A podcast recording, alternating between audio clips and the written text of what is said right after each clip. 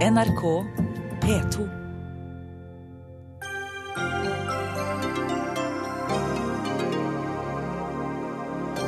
Bom stopp for statens største gründerfond, hevder Abelia. Ved å ransake Investinor for all kapital fikk regjeringen plutselig over 1 milliard ekstra å bruke på morsommere ting. Vi gir til Plan fordi vi tror det er den fattige, den søte jenta som får den skolepulten. Er noe galt i det? I regjeringens avbyråkratiserings- og effektiviseringsreform deles pengene ut igjen like fort som de dras inn, og poenget med det var og språkkrigen var ikke over. Lederen i Noregs Mållag nekter å spise middag med Riksmålsforbundets formann.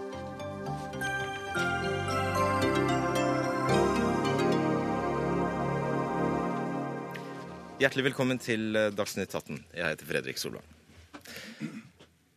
Hvem skulle tro at en regjering fra Frp og Høyre som vant valget og på og snakket så mye om verdiskapning, nye jobber, vekst og gründere, raner statens viktigste fond for nyetableringer i Investinor for nær sagt alle pengene det har? Ja, det har faktisk skjedd. Investinor har blitt fratatt 1,25 milliarder kroner, og det er faktisk all kapitalen som skulle gå til nye selskaper.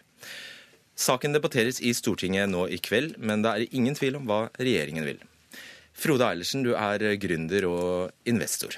Og aller først, hvilken, altså, hvilke muligheter har nyoppstartede firmaer til å etablere seg på Oslo Børs? Kortsvaret er eh, ikke så store muligheter. Hvis vi ser historisk og i det store bildet, eh, så treffer jo teknologirevolusjonen nå alle deler av norsk næringsliv og offentlig sektor. Og i den eh, forbindelse så er norsk næringsliv dårlig stilt, for vi har en ganske geriatrisk næringspark, der yngste selskap blant topp 20 på Oslo Børs er 24 år. Og Til sammenligning så er gjennomsnittlig tid på topp nå for et uh, selskap i dagens hurtigskiftende verden, det er 15 år. Har ikke kommet noen nye selskaper til på Oslo Børs på 24 år? Eh, blant de topp 20. Bare blant de topp 20. Ja, så vi har ikke lyktes med å skape nye hjørnesteinsbedrifter de siste tre tiårene. Og det er et kjempeproblem når man tenker på at teknologien kommer til å fjerne veldig mange arbeidsplasser, skape helt nye produkter, tjenester og arbeidsplasser. Så det må teknologiinnovasjon og oppstartsbedrifter til for å få til ny vekst for Norge. Og da har vi altså et instrument, Staten har et instrument som altså kalles Investinor. Ja. Hva skal de gjøre, og hva har, har de gjort? Eh, det er det nærmeste Norge har såkalt venturekapital, som jo ikke er et hverdagslig norsk ord. Men eh, hvis vi tenker på hva skal til for å ta et selskap fra gatehjørnet til hjørnesteinsbedrift, så har vi en fase hvor det er eh, behov for å kanskje eksperimentere, vise en prototype av at et nytt konsept fungerer. Det kaller vi såkorn. Der har eh, regjeringene klart, og gjennom Innovasjon Norge særlig, klart å komme frem med veldig gode virkemiddelapparater. De fleste som har en ny idé og ønsker å skape noe, enten det er en rørleggerbedrift i Volda eller det er et nytt teknologiselskap, vil få støtte til det. Og det heter gjerne Innovasjon Norge? Det heter gjerne Innovasjon Norge. Etter det, hvis man faktisk skal gjøre noe mer i forhold til verdiskapning og arbeidsplasser, eh, ta et selskap, særlig vekst- eller kunnskapsintensivt selskap, som jo er fremtiden til Norge. Skal man lykkes med å ta det nasjonalt i Norge og ut i verden, så kreves det flere hundre millioner i kapital. Og når man vet at det totalt i Norge i fjor ble investert 390 millioner kroner i den fasen, så har vi kun kapasitet til å investere i et par sånne selskaper. Da er det ikke rart i at vi ikke har lyktes i å ta frem nye hjørnesteinsbedrifter i Norge. Vil du si at Investinor da har vært og er viktig?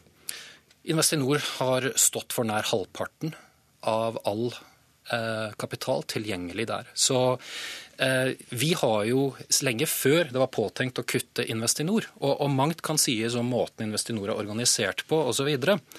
Eh, men lenge før det så var det et prekært gap i den tilgjengelige kapitalen for nye norske oppstartsbedrifter. Og bare forklar veldig kort for oss, Hvorfor er dette så viktig?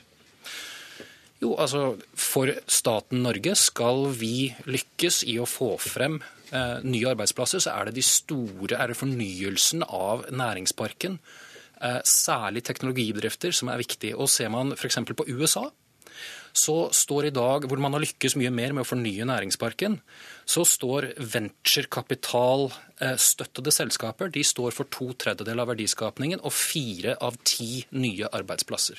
Derfor er det viktig. Skjønner. Gunnar Gundersen, stortingsrepresentant eh, for Høyre. Dette er eh, regjeringens eh, verk, og dere har virkelig forsynt dere her. Altså, I en håndvending tar dere altså 1,25 milliarder kroner fra Investinor og strør det ut på kontantstøtte og klimatiltak og flere skatteletter. Ja, Kan vel ikke kalles annet enn et ran? Eh, nei, jeg er veldig uenig i den måten å presentere det på. Vi, er, vi endrer måten å jobbe gjennom Investinor på. Altså, Selskapet får faktisk 100 eh, millioner kroner i året. Og man har gjort det om sånn at du skal få en årlig kapitalstrøm i stedet for å sitte på kapitalen sjøl. Så det, de får ny kapital tilsvarende det de har foretatt i nyinvesteringer de siste siste årene. Så bare sånn at det er en, Vi får beskrive det sånn som det er. Det var, eh, det men, men det hadde ikke du sagt det, så det, hadde jeg sagt, eh, sagt, det. Men la, la oss bare fokusere. Du tar også fra dem 1,25 ja, milliarder. ja, altså det, Vi tar egenkapital, og så går vi over til at det blir en årlig kapitaltilskudd til næringen. Man bygger opp uh, Investinor gjennom årlig kapitaltilførsel på 100 millioner, som er tilsvarende det de har investert i nye selskaper de siste årene. Okay, så bare så, la, Hold dere innafor denne, denne ramma her på 100, 100 millioner, sier dere. Ja.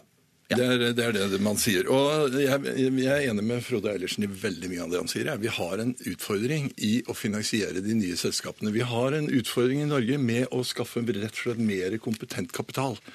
Og det er det regjeringen faktisk jobber med. Det, hvis man ser mandatendringen i, Investinor i sammenheng med det, så er det jo nettopp det man gjør. For det mandatendringen går ut på, er at Investinor skal investere sammen med andre, sånn at vi også bidrar til å, til å styrke det private, mangfoldige kapitalmiljøet i Norge. Som, det er jo ikke der, sier Eilertsen. det er ønsketenkning. Nei, men hvis vi sier det, at vi aksepterer at det ikke er der, så har Norge et problem veldig lenge. Men vi må faktisk begynne å dyrke det opp. Og det, okay. det, det er en av de stegene vi Ja, men dette er jo vår Nei, da, da skjønner vi litt mer av hvordan dere ja, tenker. For mm. dette er faktisk vår argumentasjon rundt også formuesskatten. Vi er nødt til å begynne å ta på alvor at vi mangler de private, eh, kompetente kapitalmiljøene til å bringe nettopp selskapene gjennom den fasen som Eilertsen er opptatt av. Okay, svar veldig raskt, eh, Eilertsen, på hvor eh, resonnementet svikter her, eller logikken i resonnementet svikter. For det første eh, så har jeg problemer med å forstå logikken eh, ved at man skal styrke venturekapitalmiljøet til Investinor ved å gjøre det enda mindre likt hvordan de internasjonale, suksessfulle venturekapitalfondene er organisert. Som jo nettopp er langsiktig tiårig finansiering. Det er faktisk fond, fordi det som skjer nå er at ja. man gjør det om fra et fond til årlige bevilgninger. Så jeg, jeg sliter litt med å helt forstå den. Det, okay. det, det, andre, bare veldig raskt, det er jo det at eh, en bevilgning på 100 millioner, ja, da har vi nok kapital til å gjøre én stor eh, oppstartsbedriftsfinansiering. Et selskap, da. Ja. Okay. Så, Men da vil, skal... Bare for å forklare det, for da var vi over på at Investinor har ikke vært noe suksess så langt. Altså, Man har tapt 650 millioner kroner. Man har tapt hvert eneste år, bortsett fra i fjor. Sånn at det er åpenbart at vi må organisere det annerledes for nettopp å få den suksessen som Eilertsen er ute etter. Da tror jeg ikke dere skjønner KPI-ene til et ventureselskap, med all respekt. Hva er KPI-ene? Jo, fordi at eh, Hvis du tenker på det er en grunn til at fond er ti år. Og det er fordi at åtte av ti investeringer de mislykkes i teknologiselskaper. Så det eneste man kan rapportere okay, på de første årene, det er, eh, det er Og Investinor ble altså startet i 2008, så, ja, så det er 16 år gammelt. Og da er det tallene viser at eh, fra og med ja. ja. Uh, Investinor har gjort investeringer i 49 selskaper, hvorav 35 fremdeles er i porteføljen, som det heter, og 14 er uh, avviklet eller avhendet. Håkon Haugli, administrerende direktør i Abelia. Det er jo ikke akkurat uh, imponerende.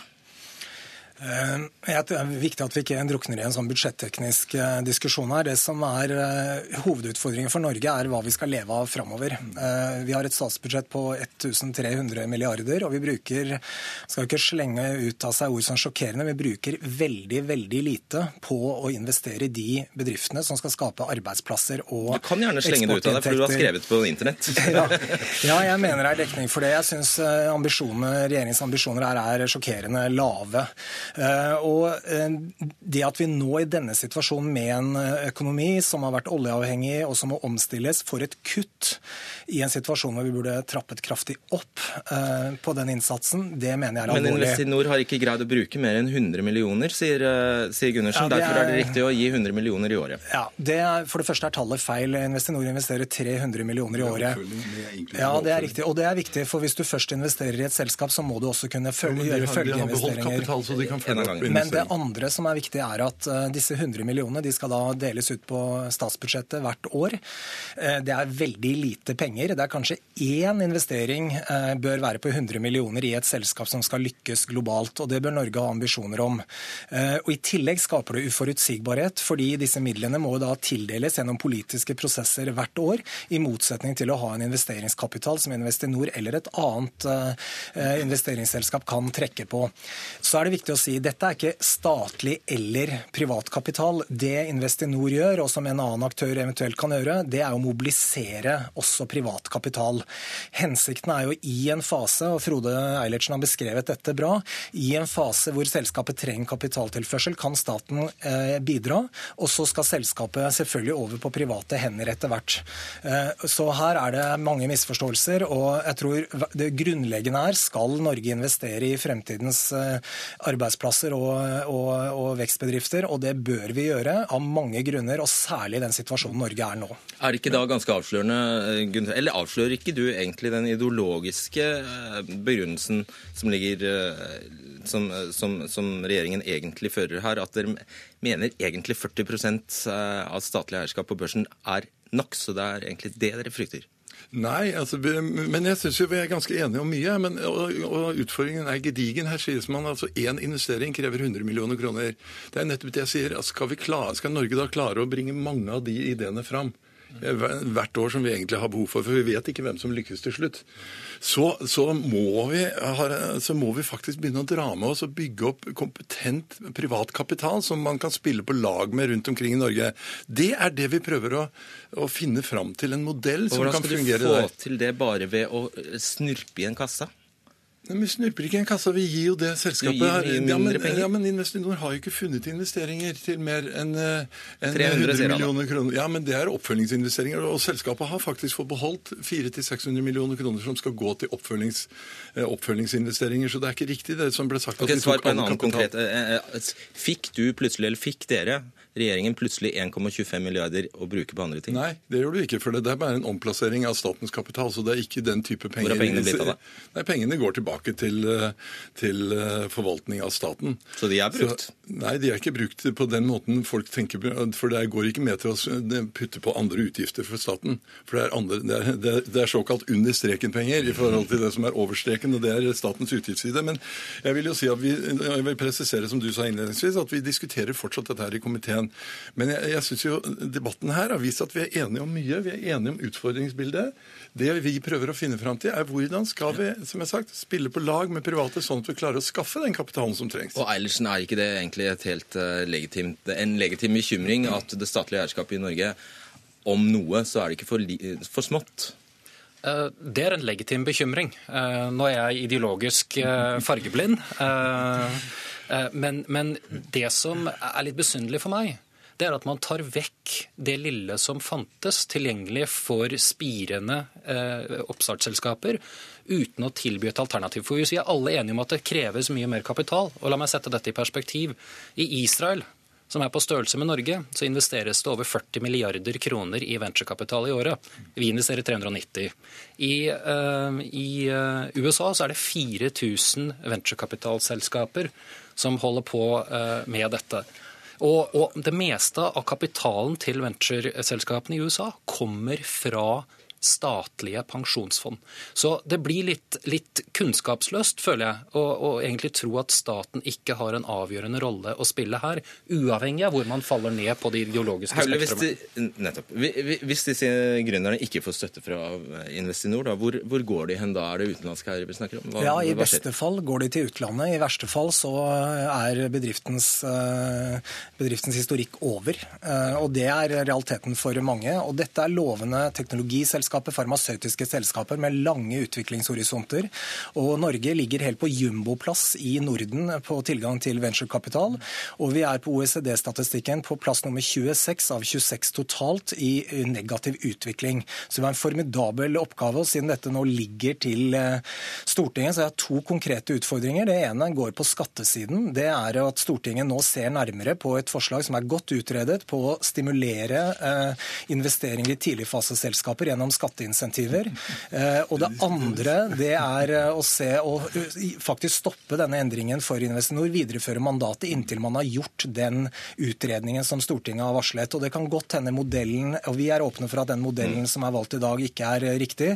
Men å først strupe og så utrede blir feil. La oss først utrede og så eventuelt gjøre endringer. Så bare minne om at Gundersen har selv kalt dette et kutt i et innlegg i DN. Så et kutt må vi vel være enige om at det er.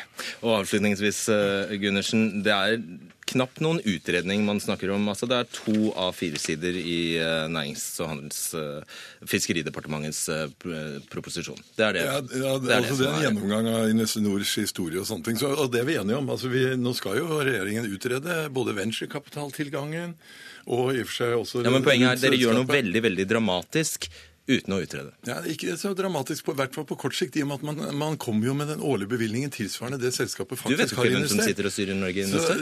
Men, men, du vet jo ikke hvem som styrer Norge neste år, du? Nei, det er riktig. Nei? Men jeg håper jo at det blir vi, så at vi kan fortsette. Men, men, vi er enige om problembeskrivelsen, og, og, nå kommer det utredninger som jeg tror er veldig bra. For dette er en kjempeutfordring. Vi må finne fram til hvordan dyrker vi fram de nye bedriftene for framtida. Løp ned på Stortinget hvis dere vil, hvis dere vil love for det. Eilertsen Ifra var fornøyd med at regjeringen har satt satset mye, da. For vi har satset mye, faktisk. Fint. Takk skal dere ha, Håkon Haugli, Frode Heilersen og Gunnar Gundersen. Dagsnytt 18 alle hverdager kl 18.00 på NRK P2 og NRK2.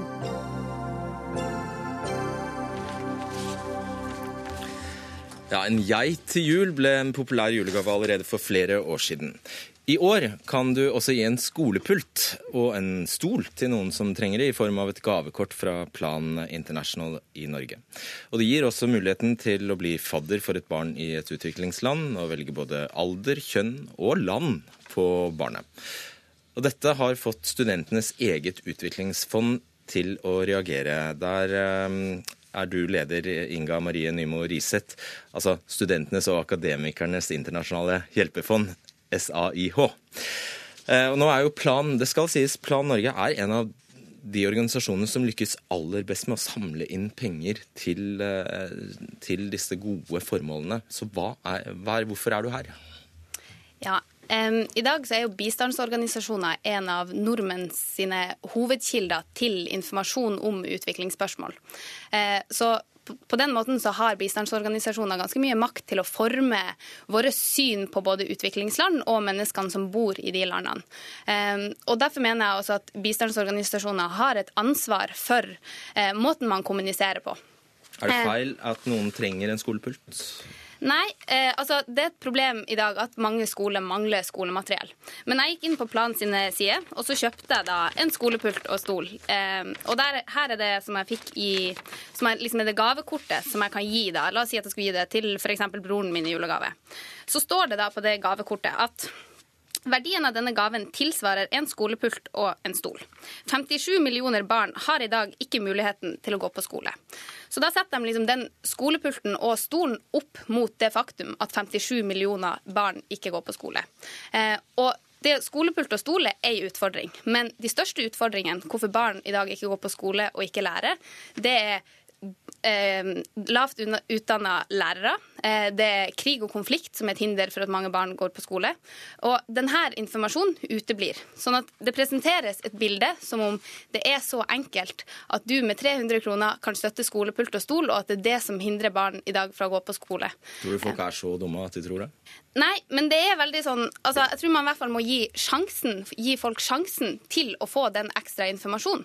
Det hadde ikke vært vanskelig å legge til ei ekstra side på det gavekortet med litt informasjon om utfordringen og presentere noen eh, Som sa at vi står overfor nær sagt uløselige strukturelle, komplekse problemer i, denne, i en verden som er notorisk for, uh, urettferdig, f.eks., osv.? Nei, sant? man skal jo gi folk håp om at det går faktisk an å endre, eh, og det fins en løsning på problemene. Men når du sier det at Grunnen til at 57 millioner barn i dag ikke går på skole, er at de mangler skolepult og stol. Så tror jeg, Da sier man etter hvert så det eh, veien fra dit til å begynne å tenke hva er det vi har skjønt som ikke dem der skjønner? Og eh, hvorfor klarer ikke dem å gi sine barn skolepulter? Eh, og i en tid der fremmedfrykt og en oss og dem-inndeling eh, liksom dominerer det politiske og eh, dagsorden og samfunnsdebatten, så syns jeg bistandsorganisasjoner burde fortelle en litt mer nyansert fortelling. Siv Meisingseth, kommunikasjonssjef i Plan International eh, Norge. Alle skjønner at denne, eller forhåpentligvis skjønner alle at denne skolepulten bare er symbolsk. Men hvorfor velge denne formen for kommunikasjon da? Eh, vi tenker jo at vi må kommunisere ganske enkelt med de som vi skal prøve å nå. Og for, Hva, fordi de er dumme? Nei, absolutt ikke. Men for oss å skape engasjement, så, så, må vi være litt enkle i budskapet for at vi skal få få fanget den oppmerksomheten. Vi ser jo at dette med alternative julegaver er noe som virkelig har slått an, og spesielt blant de unge. Eh, vi har jo gjort en undersøkelse nå nettopp som viser at 44% av ungdommen har kjøpt eller har tenkt på å kjøpe alternativ julegave. Eh, vi tenker også at vi ved å tilby en sånn type alternativ julegave kan være med på å spre informasjon om hva er situasjonen der ute. Hva med det verdensbildet Riset er opptatt av, og denne forenklingen av verden? Altså, vi opplever vel ikke at vi forenkler verden. Vi sier ikke at eh, f.eks. vår alternative gave skal være med på å endre et barns liv. Det, den retorikken har vi overhodet ikke. Vi sier at denne gaven er med på å støtte våre prosjekter hvor vi bygger skoler, hvor vi bygger brønner, eh, vi gir vaksiner eller medisiner. Eh, Får de en skolepult i det hele tatt? Nei, det er et helt det er et bilde på at vi gir penger jo, til en utdanning. Nei, det vil ikke si en løgn. Altså, vi, vi har prosjekter som går på å uh, støtte skolegang for barn. Og da uh, bruker vi dette som et bilde på at man gir penger til utdanning. Men da gir det jo ingen mening? Nei vel. Vi mener at det gjør det. Eh, og dette er en måte for oss å fange oppmerksomheten på. Eh, vi har 136 000 faddere i vår, eh, i vår faddermasse, og med de kommuniserer vi ganske inngående om de prosjektene vi har. Men for å få kontakt med de som er mulige faddere, så må vi ty til litt enkle budskap. Og vi setter pris på den eh, debatten som dere reiser nå, fordi at vi har også denne debatten innad i vårt hus. Vi diskuterer ofte hvordan vi skal kommunisere. Okay. Og det er flott at dere reiser debatten. Og jeg vil bare komme tilbake til det at all den tid planen faktisk dette fungerer, så er vel det bedre enn ingenting? Altså, jeg har forståelse for det at altså det å kommunisere ut utviklingsspørsmål er vanskelig. Og man kan bruke et symbol eller en personlig historie som en inngangsport, men da er det viktig at det følges opp med mer informasjon. Um, og du nevner jo fadderordninga deres. Eh, og der er det noe med den fadderordninga som jeg også gjerne vil peke på. Det at Når man går inn på plan.no sine nettsider, eller plan.no, så kan man velge, hvis man ønsker å bli fadder, så kan man velge mellom eh, kjønn, alder og land på det som skal være fadderbarnet ditt. Og jeg synes det er et paradoks at en organisasjon som gjør så godt og viktig arbeid eh, der ute for barns rettigheter, fremmer en løsning der man gir det norske folk mulighet til å diskriminere barn og, og velge eh, kjønn, alder og barn, eh, fremme et sorteringssamfunn der du nesten kan gå inn og velge et fadderbarn okay. på samme måte som du shopper en genser. Det var en sterk anklage. Det var det. Eh, og da vil jeg bare si at det er behovet som gjelder i enhver sammenheng. Men så er det sånn hva betyr det? Vi eh, lager prosjekter og har fadderbarn der hvor behovet er aller størst. Det går ikke på at det er en jente som skal få hjelp, eller at det er en gutt som skal få hjelp. Det er okay, så du kan velge behovet... jente, men du hjelper en gutt og et helt samfunn, en hel landsby ja. f.eks. Eh, men da er jo også det villedende. Nei, det er det ikke. Eh, i utgangspunktet er det behovet som gjelder, og så har du som mulig fadder muligheten til å velge en gutt eller en jente. Kanskje har du tre barn fra før hjemme hos deg selv som er jenter, og så vil du kanskje ha en gutt for at man skal ha da en slags variasjon i Og dette bruker jo veldig mange familier i sin oppdragelse. Men bare oppdragelse. Da, da er det ikke den gutten du faktisk hjelper utelukkende? Nei, eller? altså I vårt fadderopplegg så får du tildelt et barn, enten om det er gutt eller jente, men du støtter ikke den gutten konkret. Du støtter hele samfunnet. Du støtter skolen hvor gutten bor, brønnen som blir bygd, barnehagen som lages, lærerne som utdannes. Det er nok en gang bare et symbol. Ja. Um, og så sier man liksom at Ja, Men hva er da problemet med det? At man giv, man antar at giveren ikke har lyst på det nyanserte, at man undervurderer giveren, um, og at man også presenterer et forenkla bilde av, eh, og et for forenkla bilde av utviklingsspørsmål og av eh, hva, hva som er veien ut av fattigdom. At du som giver er den eneste veien ut av eh, fattigdom, og du er helten i historien, og at mottakeren av bistand er en passiv aktør. eh, og uten deg og dine 300 kroner eh, eller mange penger summen- samler Studentenes og Akademikernes internasjonale hjelpefond inn? Vi har et totalt, For 2017 så har vi et totalt budsjett på 52 millioner, der eh, 13, av dem, eh, 13 av de millionene kommer fra norske studenter. Eh, for vi er en organisasjon Så som drever er drevet av ja, vi er en mygg, men eh, Eller vi er en mellomstor bistandsorganisasjon. Eh, Poenget mitt var Mm. at, det, eh, var at man må vel kanskje i en markedsstyrt verden ta i bruk disse virkemidlene. Eh, og man, dere gjør det ikke, og kanskje tallene reflekterer det. Men eh, vi har nå en kampanje der vi i morgen kårer de mest kreative innsamlingsvideoene og de eh, innsamlingsvideoene som eh, spiller mest på stereotypier. Og vi ser det at de som er de tre finalistene til den gjeveste kategorien, viser at man kan kommunisere og man kan nå ut til, eh, til det norske folk med, uten å spille på medlidenhet og uten å bruke forenklinger. Alright. Eh, Du altså, det det var. Altså, du, du har opplyst at 90% faktisk, Av en eller annen grunn så oppfører vi oss eh, sånn. 90% av de barna som blir valgt, er små jenter. Nei, ikke 90% Nei vel, det er OK. Hvor, hvor mange prosent, da? Nei, altså Av de fadderbarna vi har, så er 64% jenter, resten er gutter. Ok. Eh, og dere må også være klar over at Plan International er en jenteorganisasjon. Vi har et spesielt fokus på jenter. Ja, eh, Poenget mitt eh, da var at da risikerer man jo, som Riset sier, eh, altså for, eh, forskjellsbehandling. Jeg må igjen bare gjenta at det er behovet som gjelder her. Så vi vil ikke finne på å gi støtte til en jente fordi at du vil ha en jente. Vi finner et prosjekt som trenger hjelp fordi det er et behov der. Svar i løpet av noen veldig få sekunder. Sukrer det pillen? Nei. Um, stereotypier det um, opprettholder også fattigdom. Og for at man skal uh, klare å skape en rettferdig verden, verden, så må man også endre norske holdninger og endre handlingen vår og også norsk politikk. Og derfor mener jeg også at man må kommunisere på en mer nyansert måte. En interessant debatt i hvert fall. Tusen takk skal dere ha. Inga Marie Nymo Riseth og Siv Meisingseth.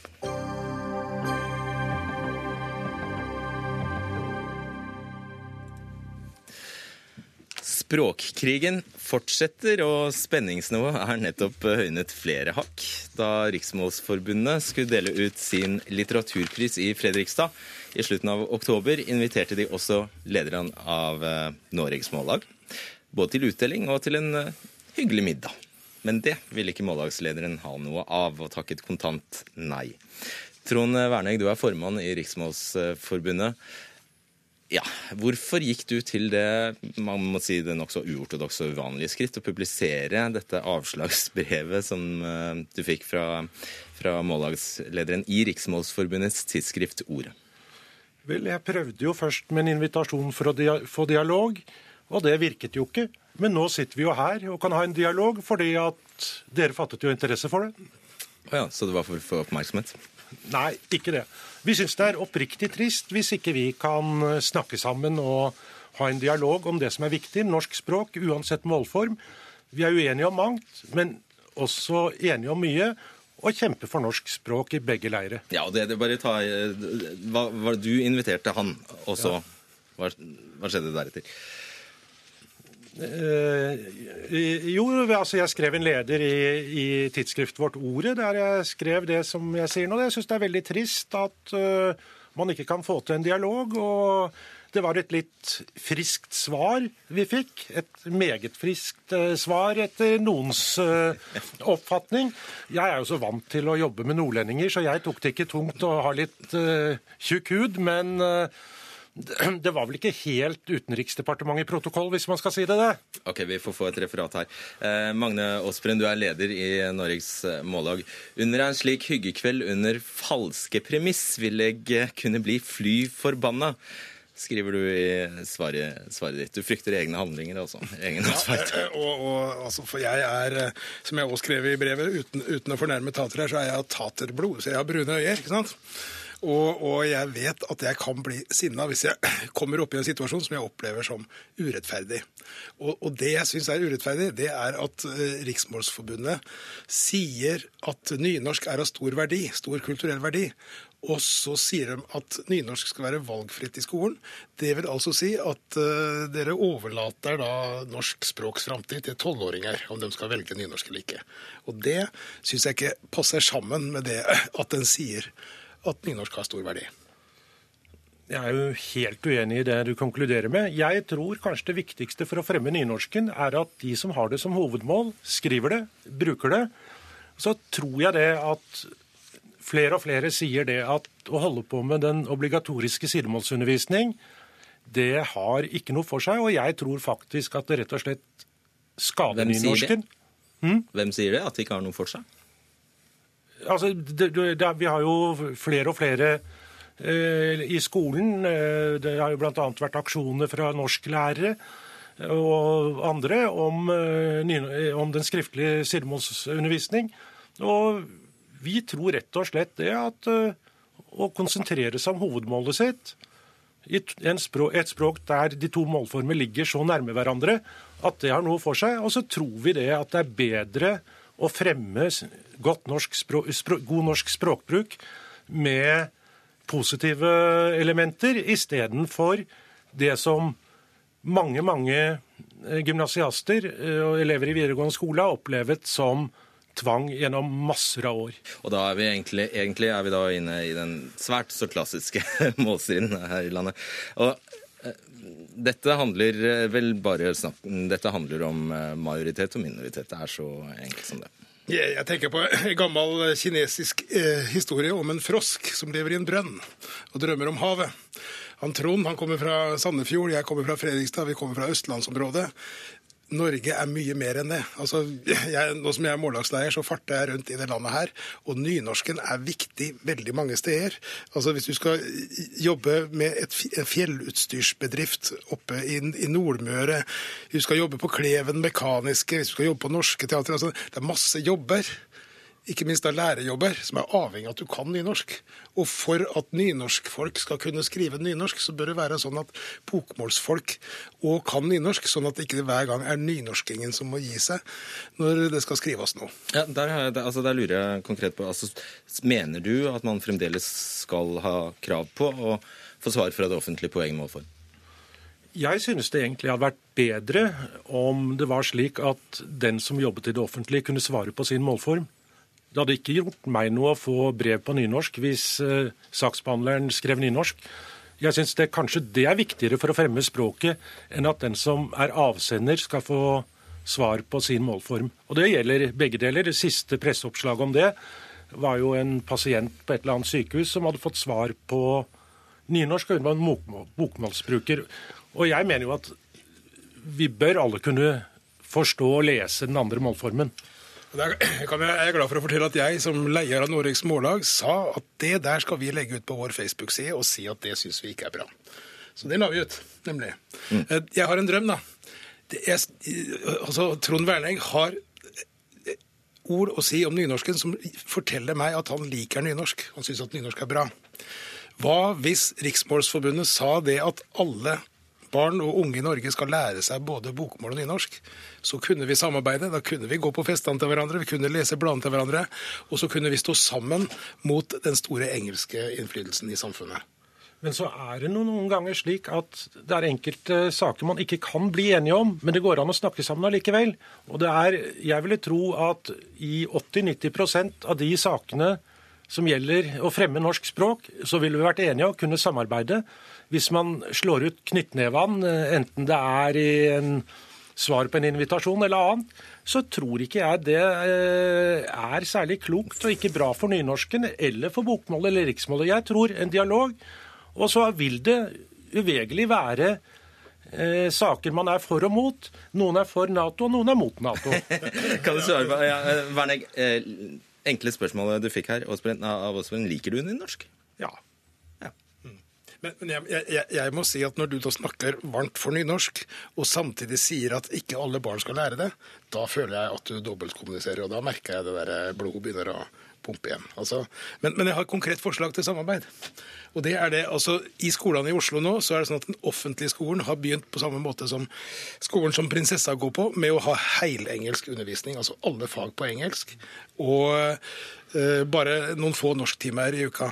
Altså, Hva mener Riksmålsforbundet om det? Vi tror jo at all, alle, eller vi mener jo klart at alle norske barn bør lære seg morsmålet. Eh, og så ser vi det at det er en global, globalisert verden og at i alle land så blir det mer og mer viktigere og viktigere. Men at alle skal ha en god norskopplæring her i landet, en bedre enn det de har i dag. Eh, at norskfaget styrkes, det er vi veldig for. Men, men syns du det er greit at geografi og historie sånne fag foregår på engelsk i norsk offentlig skole? I, umiddelbart så vil jeg ikke si at nødvendigvis vi skal plukke ut, plukke ut fag etter fag så eh, må jeg si at det har jeg ikke egentlig vurdert. Ja, der er jeg okay, glad for å si at Noregs Mållag vi er imot det. Ja, Gå hjem og tenk på det, Werning. Det skal jeg gjøre. Uh, Magne Aasbrenn og Trond Werning. Ja, Mange har jo latt seg provosere av at eh, budsjettavtalen mellom regjeringen og samarbeidspartiene innebærer over 400 millioner kroner mindre til sykehusene, fordi de skal effektivisere og avbyråkratisere. Men var ikke egentlig nyheten at sykehusene til nå nærmest har gått fri fra det samme kravet om å kutte 0,5, 0,6, 0,7, 0,8 prosent, som altså har rammet Nav, som uh, sliter med rekordhøy ledighet, rammer UDI, med, som sliter med asyltopper, rammer politiet, som bruker 23 minutter på å nå fram i, i Telemark. Håkon Rikles, samfunnsøkonom i Civita. Det var altså i ja, statsbudsjettet 2015 at denne babyen, eh, avbyråkratiserings- og effektiviseringsreformen, eh, ble unnfanget. Og da var målet, eh, skrev regjeringen, kravet om mindre byråkrati og mer igjen for pengene vil frigjøre ressurser til prioriterte formål. Har det skjedd? Det har skjedd i den forstand at man har Eh, tatt rundt to milliarder eh, vekk fra eh, driftsposter på budsjettet og smørt utover alt annet. Men om det er å prioritere, kan man jo stille seg spørsmål ved. Hva Så, mener du? Jeg vil si nei. Eh, man har ikke, det har ikke vært en regjering som har vist en voldsom evne til å prioritere. Eh, nå er den i utgangspunktet ideen bak den reformen ganske god. Det, ideen er at eh, hvert år så er det en viss produktivitetsvekst, også i offentlig sektor. Man ser at i privat tjenesteyting så er produktivitetsveksten på mellom en halv og 1% litt over 1,5% i året. Da kan man anta at tilsvarende har offentlig tjenesteyting en tilsvarende produktivitetsvekst. Heller enn at den kun skal føre til at man får mer byråkrati og mer omfattende virksomhet virksomhet, så kunne den trekkes tilbake og da omdisponeres. Det som eh, Man har på en måte gjort feil i to ender, sånn som jeg ser det. Først så har man ikke noen, noen, klar tanke om hvordan man skal prioritere, som gjør at statsbudsjettet vokser i alle ender. For det andre så har man eh, ikke nådd det målet om at man skulle ha en forutsigbar forutsigbar uttak av den produktivitetsgevinsten hvert år, som skal være på en halv prosent i året. Så da man kunne planlegge i offentlige virksomheter om at det, det, kreves hvert år at vi skal finne nye og smarte måter å jobbe virksomhet på. Og så er det sannsynligvis 0,8% høyere enn det som er realistisk for mange. fordi også i mange offentlige virksomheter, f.eks. hvis man er en foreleser, så man ikke, kan man ikke forelese 0,8% mer effektivt hvert år. Mens f.eks. i administrasjonen i et universitet så kan det være rom for å effektivisere hvert år. Petter Roslestad, du er leder i eh, Forskerforbundet. Eh, Du har det, altså Din sektor, høyskolen høyskolene og universitetene, har jo blitt utsatt for dette kuttet hvert år nå, siden 20, eh, 2015. Men du unner vel kolleger i eh, spesialisthelsetjenesten, akademikervenner eh, av deg, å unnslippe dette kuttet helt fram til i år, vel? Ja, det, det som jeg har vært opptatt av, er at eh, kutt i universitet- og høyskolesektoren, som vi nå har hatt disse tre årene, at det, det rammer ikke det man ønsker å treffe. fordi dette Målet er jo å få til høyere kvalitet på forskning og undervisning. og Som det nettopp ble sagt her, det, dette treffer ikke uh, slik som intensjonen var. For uh, det kan virke som om man har en forestilling om at det finnes et eller annet gigantisk byråkrati på norske universiteter som man kan kutte og kutte og kutte i uh, over, over år. Dette er jo tredje året det kuttes, og vi har nå kommet opp i over 650 millioner i kutt. Men administrasjonen er jo der for å bistå forskning og undervisning, slik at dette går utover studenter og forskere. Mener du det på ramme alvor, at det ikke finnes rom for noe som helst effektivisering i denne skjære sektoren?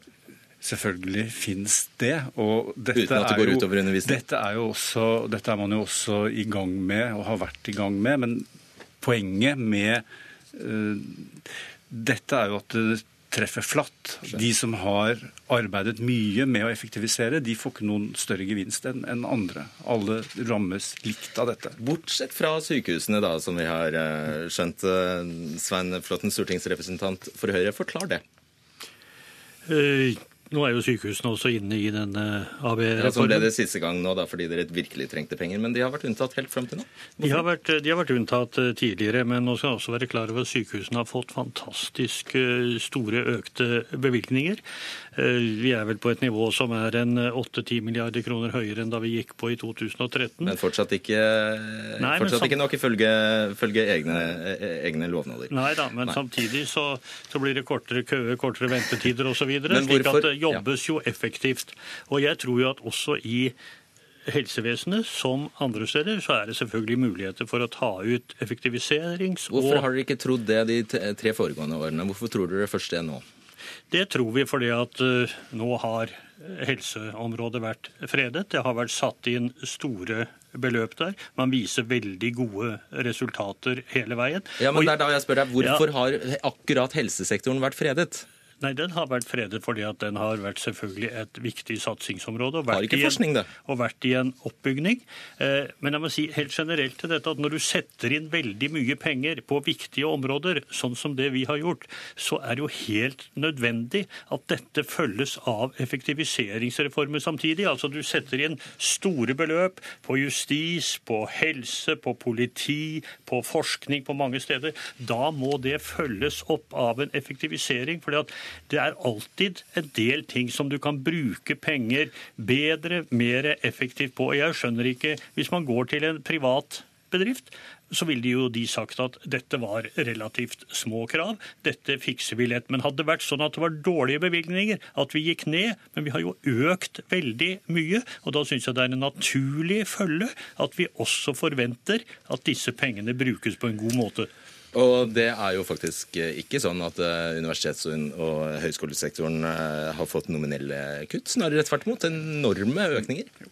Men, men det er ikke riktig å kalle dette for et effektiviseringskutt. Dette er rett og slett kutt i grunnbevilgningene til universitet og høyskolene, som man da kaller for effektiviseringskutt.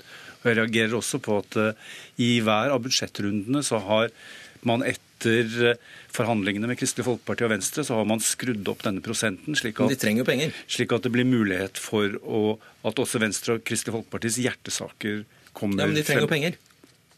Jo, men nå, da blir det politikerne som plutselig da omdisponerer midler som universitetene selv eh, gjennom deres autonomi burde kunne disponere selv for å fremme kvalitet i forskning og høyere utdanning. Her plusses det og trekkes fra, litt sånn gi med den ene hånden, ta med den andre, uten at man kan greie å se at dette er et helhetlig system for å heve kvaliteten. Svar kort på det, Flåtten. Altså, det er, GIO. jo, eh, dere lovte altså, i 2015 utgangspunktet for overføringen til fellesskapet som Rikles er innom, eh, i de årlige budsjettforslagene vil være saldert budsjett for foregående år. Og dette bidrar til forutsigbarhet for statlige, statlige virksomheter i årene framover. Og så driver dere en sen fredags nattetime en fredag og bare jekker opp fra 0,7 til 0,8. Det får jo enorme konsekvenser for hele, alle i staten. Hver gang jeg er her i Dagsnytt 18, så tror man at vi har gjort alle ting om natten. Eh, Vi gjør faktisk også ting om dagen, og vi forstår hva vi gjør. Og jeg tror at dette er et krav som kan imøtekommes eh, de stedene hvor vi setter inn. Og til dette om at universiteter, forskningsmiljøer og annet bør ha sin autonomi og ikke skal være berørt og sjenert av dette, så er det klart man bestemmer jo selv hvordan man vil gjøre disse reduksjonene. Og når man da, som programleder sier, har fått, om ikke enorme, så i hvert fall store bevilgninger og økninger, så bør dette være mulig. Det er en god utkvittering av den måten vi har drevet politikken på. Vi skal ha med oss eh, Simon Neby, du er forsker ved Uni Research Rokkansenteret, er med oss fra Minde i Bergen.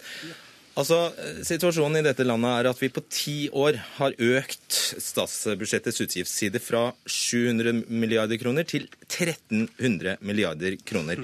Innenfor, dette, innenfor denne enorme økningen så må det da finnes rom for en reform. Men er dette en reform? Ja, det var det. Jeg tenker at eh, De aller fleste er jo enig i at god og effektiv forvaltning er utrolig viktig. Men eh, jeg er slett ikke så sikker på om vi kan kalle det her for en, en eh, reform. Altså, jeg tenker at i den grad vi skal snakke om at det gjennomføres en reform, så må det gjennomføres noe nytt. Og i den sammenhengen her så er det vel vanskelig å se helt hva det nye er. Hvis det er noe, så tenker jeg at det er det her systemet å omfordele penger da, som trekkes inn hvert år og så fordeles eh, tilbake igjen. Og Det er i så fall en, en, vi si, en transaksjonsorientert måte å tenke, tenke endring og sparing på, som, som kanskje er ny. Men så er spørsmålet om man oppnår noe mer, da. Ja, altså, og hvis vi bare, altså, Hovedspørsmålet her må jo være har dette ført til avbyråkratisering og effektivisering? Det tror jeg er vanskelig å svare direkte på, i og med at vi vet at, at offentlig sektor og utgiftene vokser såpass mye som, som de gjør. Eh, og det er jo klart at for hver gang en, en innfører reform, eh, hvis det her nå er en reform, så har det også noen kostnader som, eh, som følger med. Ja, for du sier det er faktisk dyrt å drive med reformer? Ja, det er det. Eh, og kanskje særlig eh, reformer som, som, er litt sånn uklare, sånn som den her. fordi at det er veldig vanskelig å se for seg hvordan en skal kunne eh, på en måte måle hva den bidrar til, og hvordan den bidrar til det.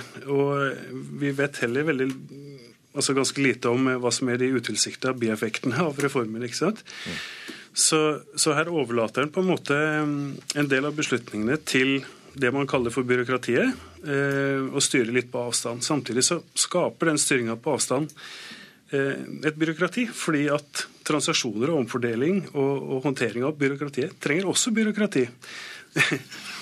Så jeg lurer på om det her er litt sånn eh, Først og fremst eh, en symbolsk merkelapp, da, den ideen om avbyråkratisering. Men hva skal man gjøre da? Sette seg tilbake, lene seg tilbake og bare se at det skjer? eller hva? Nei, jeg tenker at eh, det hadde jo vært veldig mye lettere om man, eh, om man faktisk eh, understreker den verdien eh, som ligger i det å drive offentlig sektor effektivt, og inkluderte det i en tydeligere forvaltningspolitisk plattform enn en, en det en sånn enkeltreform kanskje representerer. Ok, eh, eh Rikles, eh, vi, vi, har nå skjønt at sykehusene eh, har, har, vært unntatt helt eh, fram til nå. Forstår, forstår, du logikken i det? Nei, det gjør jeg egentlig ikke. Det er mange forskjellige mm, typer virksomhet i, i, staten, hvor noen har en, på en Det er naturlig å tenke at eh, man kan bli mer effektiv. Hvis man gjør klassisk byråkratioppgaver, så har vi hatt en teknologisk revolusjon som gjør at det å innhente og dele og spre informasjon har blitt ekstremt mye enklere. Så da kan man anta at det har vært en eh, effektivitetsreform. I andre enden så eh, Det klassiske eksempelet er en strykekvartett av Beethoven. Den krever fortsatt to fiolinister, en bratsjist og en cellist, og de kan ikke spille dobbelt så fort. så da er det ingen produktivitetsgevinst. Men de fleste statlige virksomheter vil ha en kombinasjon av denne type aktiviteter, hvor noen har produktivitetsvekst, og andre har det ikke. Hvis man mener at virksomheter i staten skal ha en viss frihet og autonomi, så er det ikke et alternativ å gå inn i detaljer og se her er det en brikat for mye og her er det en brikat for lite. Man trenger eh, langsiktig forutsigbare signaler. Eh, og så får man heller i de sektorene man ønsker da å prioritere, i ekstra midler til. For hvis det skal ha nye oppgaver, Flåtten skal få avslutte, siden du får fra tre kanter her. Men først, eh, først deg, Åslestad. Um, du, du, nevnte dette med autonomi. Det syns jeg er interessant. For du er vel enig i at i et demokrati som vårt, så er det Stortinget faktisk som bestemmer? Sånn er det. Og hvis de sier at du skal ha 0,8% kutt fra og med 1.1, så skal du det. Jo da, men eh, Stortinget sier at de ønsker seg forskningsmiljøer i verdensklasse. Og for å få til det, så må man, som det nettopp ble sagt, være, ha en forutsigbarhet som ligger til grunn. og den, den, er nå litt vaklende, for å si det sånn. Og så er det noe litt komisk med dette at uh, man forlanger at institusjonene kutter i administrasjonen. Samtidig så innfører man stadig flere parametere man skal målsette, som skaper mer byråkrati. Og der har du det. Byråkrati avler byråkrati. Svein Flåtten, hva er logikken bak å ikke trekke disse midlene inn? Hvorfor spre dem ut igjen? Og dere har jo virkelig blitt kjent for, etter, etter disse fire budsjettforlikene nå med, med, samarbeidspartiene, for å smøre tynt utover hele. Dere har ingen klare prioriteter lenger. Jeg syns dette er en god måte å, å, fremme effektivisering i det offentlige på. Alle mener og sier Men det er skrivebordsteori når du gjør det på den måten? Nei, nei. Alle mener at, eh, at de offentlige budsjettene vokser for mye. Veldig mange politikere i opposisjon på Stortinget sier at det er for mye for mange ansatte i det offentlige. Da. Men det gjør du ikke. For mange ansatte i det offentlige. Programledere her sier at det er for mange ansatte i det offentlige. Vi har store debatter om dette. Men når vi da gjør det, når vi peker på en måte å gjøre det på, så hører vi fra absolutt alle kanter, fra politikere, fra de som er utøvende innen forvaltningen, at dette er ikke måten å gjøre på. Jeg syns dette er et veldig godt signal, og så vil man finne måter å gjøre dette på ute i forvaltningen. Og resultatene vil jo faktisk etter hvert bli målt. Dette kommer vi til å se at gir virkning. Det som er kanskje det store paradokset, er at vi har begynt med dette. Før oss så tenkte ingen i det hele tatt på å sende disse signalene ut politisk for at vi kunne prøve å effektivisere bruken av pengene på en bedre måte. Alright, jeg føler vi kunne ha fortsatt i lange tider, men det kan vi ikke, dessverre. Håkon Rikles, Petter Osselstad, Simon Neby og Svein Flåtten, tusen takk. Hør Dagsnytt 18 når du vil. Radio NRK Radio.nrk.no.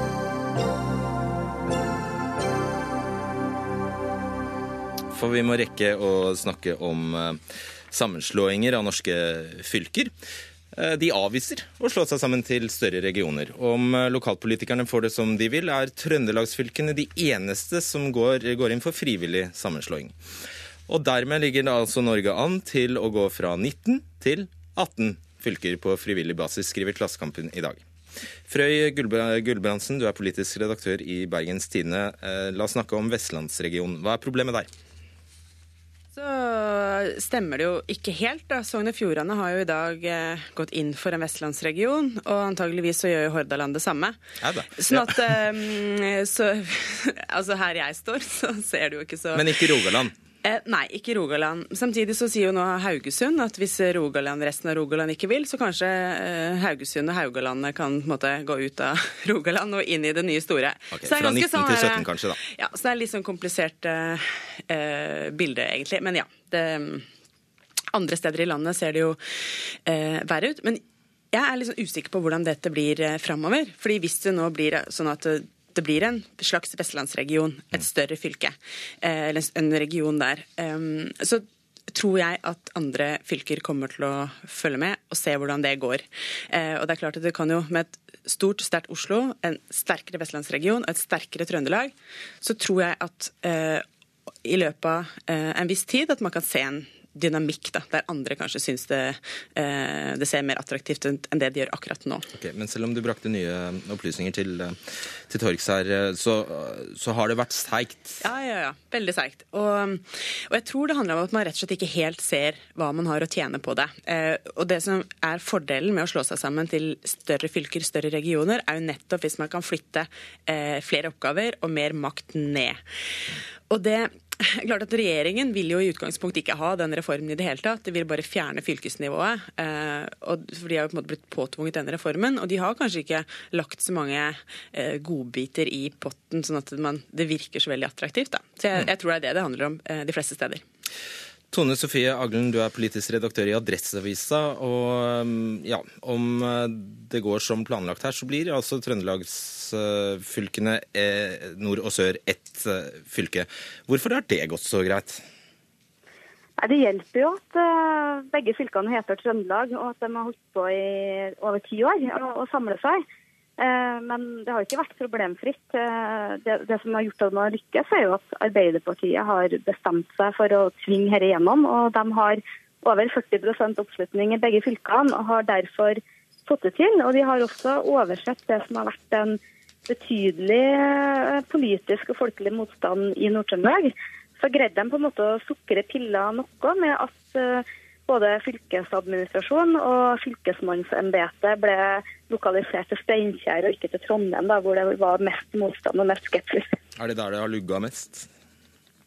Ja, Det er alltid sånn at uh, det er lokalisering og hvor ting skal være som, uh, som lugger. Uh, så er det et problem at i Nord-Trøndelag er mange veldig opptatt av fylkeskommunen. Og um, jeg tror veldig mange fylkespolitikere ser at det er ikke noe vits å gjøre det her grepet, for det kommer ikke så veldig mye nye oppgaver og mer makt likevel. Altså, det har liksom vært den holdninga i Nord-Trøndelag. Og det som nok også har gjort det enklere i Sør-Trøndelag, at der er det ikke så veldig mange som bryr seg, rett og slett. Mm. Uh, ja, Gudbrandsen? Ja, det som er litt interessant, da, er jo nettopp at kanskje Nord-Trøndelag og Sogn og Fjordane er jo fylker som er litt opptatt av fylkeskommunen. Og at nettopp de fylkene nå har eh, faktisk sagt seg villige til å slå seg sammen med andre. Så det Eh, jeg har en mistanke om dette også til en viss grad handler om manglende eh, engasjement for fylkeskommunen i det hele tatt. At det er et, liksom et nivå som man ikke bryr seg så mye om, og derfor kanskje ikke eh, ser helt noe poeng å gjøre noe med det. Det er jo vanskelig å forstå manglende engasjement for fylkeskommunen, men hva kan det komme av? Det kan komme at fylkeskommunen har veldig eh, lite makt å få eh, oppgaver som eh, ja, folk eh, interesserer seg for, eh, rett og slett. Mm. Og dette her med, altså Nå har Stortinget understreket at denne reformen skal være eh, frivillig. Kan man se for seg på noe punkt her at det ender med tvang noe sted? Jeg tror ikke det på kort sikt. Jeg tror ikke det. Men det kan jo tenkes at eh, altså, over tid, hvis det blir sånn at enkelte fylker blir stående, at det blir litt sånne rare konstellasjoner noen steder, og deler av ett fylke eh, blir stående igjen som en slags liten rest at, at, man kan se for seg sånne konstellasjoner. Men altså, det er jo noe rart med en slags Poenget med dette er jo å spre makt til landsdelene og balansere ut altså Oslo-dominansen. Og da på en måte det skal være en slags sånn toppstyrt fra Oslo at nå må dere slå dere sammen sånn at vi kan gi dere mer, mer makt. Det, det, er noe liksom rart med det. da. Så jeg, jeg, har ikke så veldig stor tro på det. I Aglen i Møre og Romsdal er det da strid om uh, fylket skal deles og finne løsninger nordover eller uh, sørover. Altså, Dersom fylket velger å gå nordover, altså mot Trøndelag, uh, er de da velkomne? Ja, det er både ja og nei. I, i Sør-Trøndelag er jo dørene åpne, og man ønsker veldig gjerne Møre velkommen. I, i Nord-Trøndelag er det veldig annerledes. Eh, der er de veldig skeptiske. og det handler om det som er den store nøtta i alle de her prosessene. At man prøver alltid å finne, finne en ordning der man sjøl blir tyngdepunkt. Nå har man jo på en måte bestemt seg for at norddelen av Trøndelag skal få en del funksjoner. og ved en sånn forskyvning av um, maktbalansen sørover, så vil det naturlig nok bli Trondheim som peker seg ut. Så jeg tror det blir krevende, men Møre og Romsdal er et eksempel på et fylke som uansett vil være veldig vanskelig å plassere i et nytt kart, og som alltid vil ha problemer med å finne en identitet og en rolle. Og Hvordan analyserer man motstand i resten av landet når man står i Trondheim eller i Trøndelag? Jeg tror det virkelig store problemet her er at eh, man har en regjering som er veldig lite opptatt av eh, fylkeskommunen. Man skulle helst sett at den ikke fantes, og derfor er det heller ikke noe veldig sånn stor vilje til å satse på den. Eh, jeg tror at så lenge det ikke er en reell vilje til å overføre mer oppgaver og mer makt til fylkeskommunen, så tror jeg nok også at de ser at de har det ganske greit som de har det.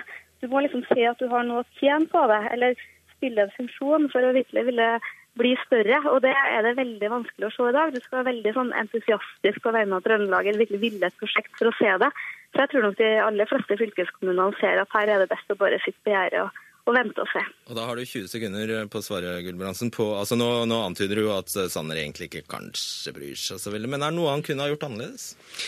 Nei, altså jeg vet ikke. Eh, På Vestlandet så er det jo den her, den her MDG eh, Junior, som eh, Vilde og Anna, som skapte liksom eh, aller mest entusiasme på Vestlandet sånn de siste månedene. Så jeg vet ikke. Mer, eh, mer sånn type patriotisme i, eh, gjennom musikken og MGP Junior er kanskje veien å gå. Hører du Jan Tore Sanner. Ok, Tone Sofie Aglen og Frøy Gulbrandsen fikk avslutte denne Dagsnytt 18-utgaven.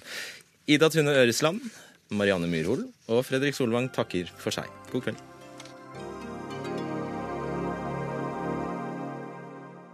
Hør flere podkaster på nrk.no podkast.